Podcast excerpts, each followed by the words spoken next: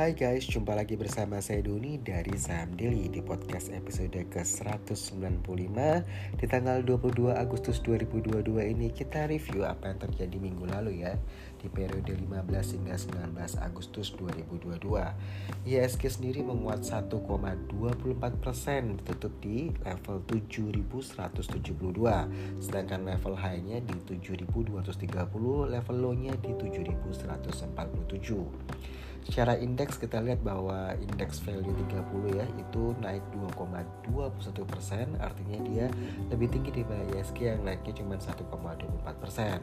Peringkat kedua dan ketiga diduduki oleh LQ45 dan IDX 30 dengan penguatan 1,51 persen.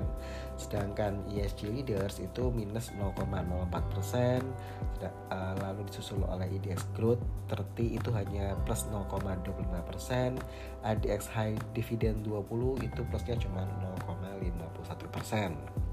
Secara sektoral masih dikuasai oleh energi dengan penguatan 3,24 persen, sedangkan IDX Property itu uh, plus 2,80 persen. Kalau teman-teman bandingkan dengan eh, minggu-minggu uh, sebelumnya ya bahwa IDX Property itu menguat 2,31 persen di periode 8 hingga 12 Agustus 2022, sedangkan di periode 15 hingga 19 Agustus 2022 IDX Property ini meningkat 2,80 persen. Begitu pula juga eh, dengan infrastruktur ya dia naik 0,43 persen. Kalau yang minggu-minggu sebelumnya infrastruktur itu plusnya 1,21 persen. Jadi uh, untuk yang lagging ya itu ada sektor finance dia minus 1,18 persen, sektor health ya minus 1,05 persen, lalu cyclical itu minus 0,42 persen net buy asing di minggu lalu tuh di 3,1 triliun. Jadi ini agak berkurang ya kalau dibandingin yang uh, minggu sebelumnya ya. Terus kita lihat juga untuk uh, tadi kan masalah properti dan infrastruktur. Memang uh, harga saham sektor ini meningkat ya. Ini kalau kita lihat juga mungkin karena sentimen dari RAPBN 2023 di mana ada dua pos anggaran yang naik yaitu anggaran pembangunan infrastruktur itu naik 7,8% dari 363,76 triliun di tahun 2022 menjadi 392,02 triliun di tahun 2023. Pos kedua yang mengalami peningkatan signifikan yaitu subsidi non energi itu naik 14,3 persen dari 75,7 triliun rupiah di tahun 2022 menjadi 86,5 triliun rupiah di tahun 2023. Ini digunakan untuk memperluas akses permodalan UMKM dan petani melalui subsidi bunga KUR, termasuk subsidi pupuk urea dan NPK serta 9 jenis komoditas yaitu padi, jagung, kedelai, cabai merah, bawang merah, bawang putih, kopi, kakao, dan tebu. Untuk minggu ini ya uh, periode 22 Agustus hingga 26 Agustus itu kalau di tanggal 23-nya ini ada sentimen yang dari rapat Dewan Gubernur ya Bank Indonesia yang akan mengumumkan kebijakan suku bunga acuan pada Selasa 23 Agustus 2022 di mana konsensus itu masih memperkirakan bahwa BI akan tetap menahan suku bunga acuan di 3,5% untuk bulan Agustus ini. Dan juga mungkin kemungkinan ya kemungkinan uh, kenaikan BBM ya. Jadi mungkin uh, dua hal ini yang akan uh, mewarnai bursa kita untuk minggu ini.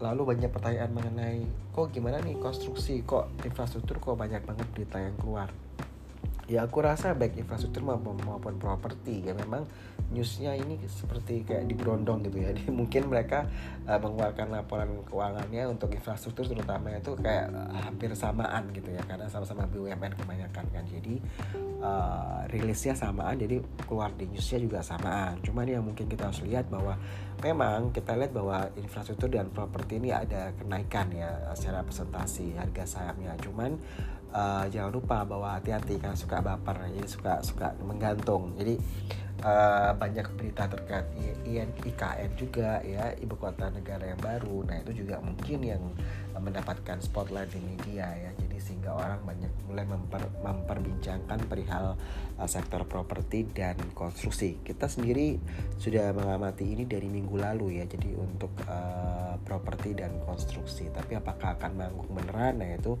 harus dilihat lagi ya, dipantau lagi. Tapi overall sih kalau kita lihat dari uh, data sih naik ya seperti itu. Cuman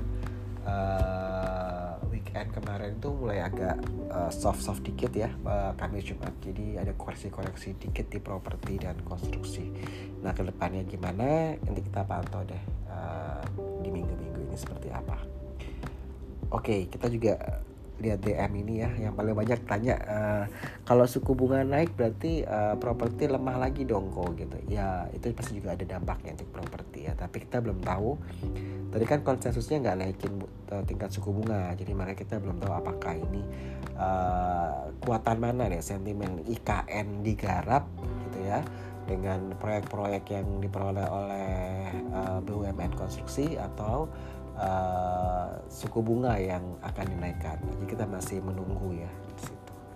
Oke, oh ya kita disclaimer dulu bahwa apa yang kita sampaikan ini untuk pendengar podcast saham daily bukan tujuannya untuk lanjut membeli atau menjual saham tertentu, melainkan hanya sebagai memberikan informasi ya. Jadi untuk kerugian lalu keuntungan masing-masing investor maupun trader itu kembali lagi kepada masing-masing investor dan trader itu sendiri. Oke, okay? saya Doni dari Sandiri out.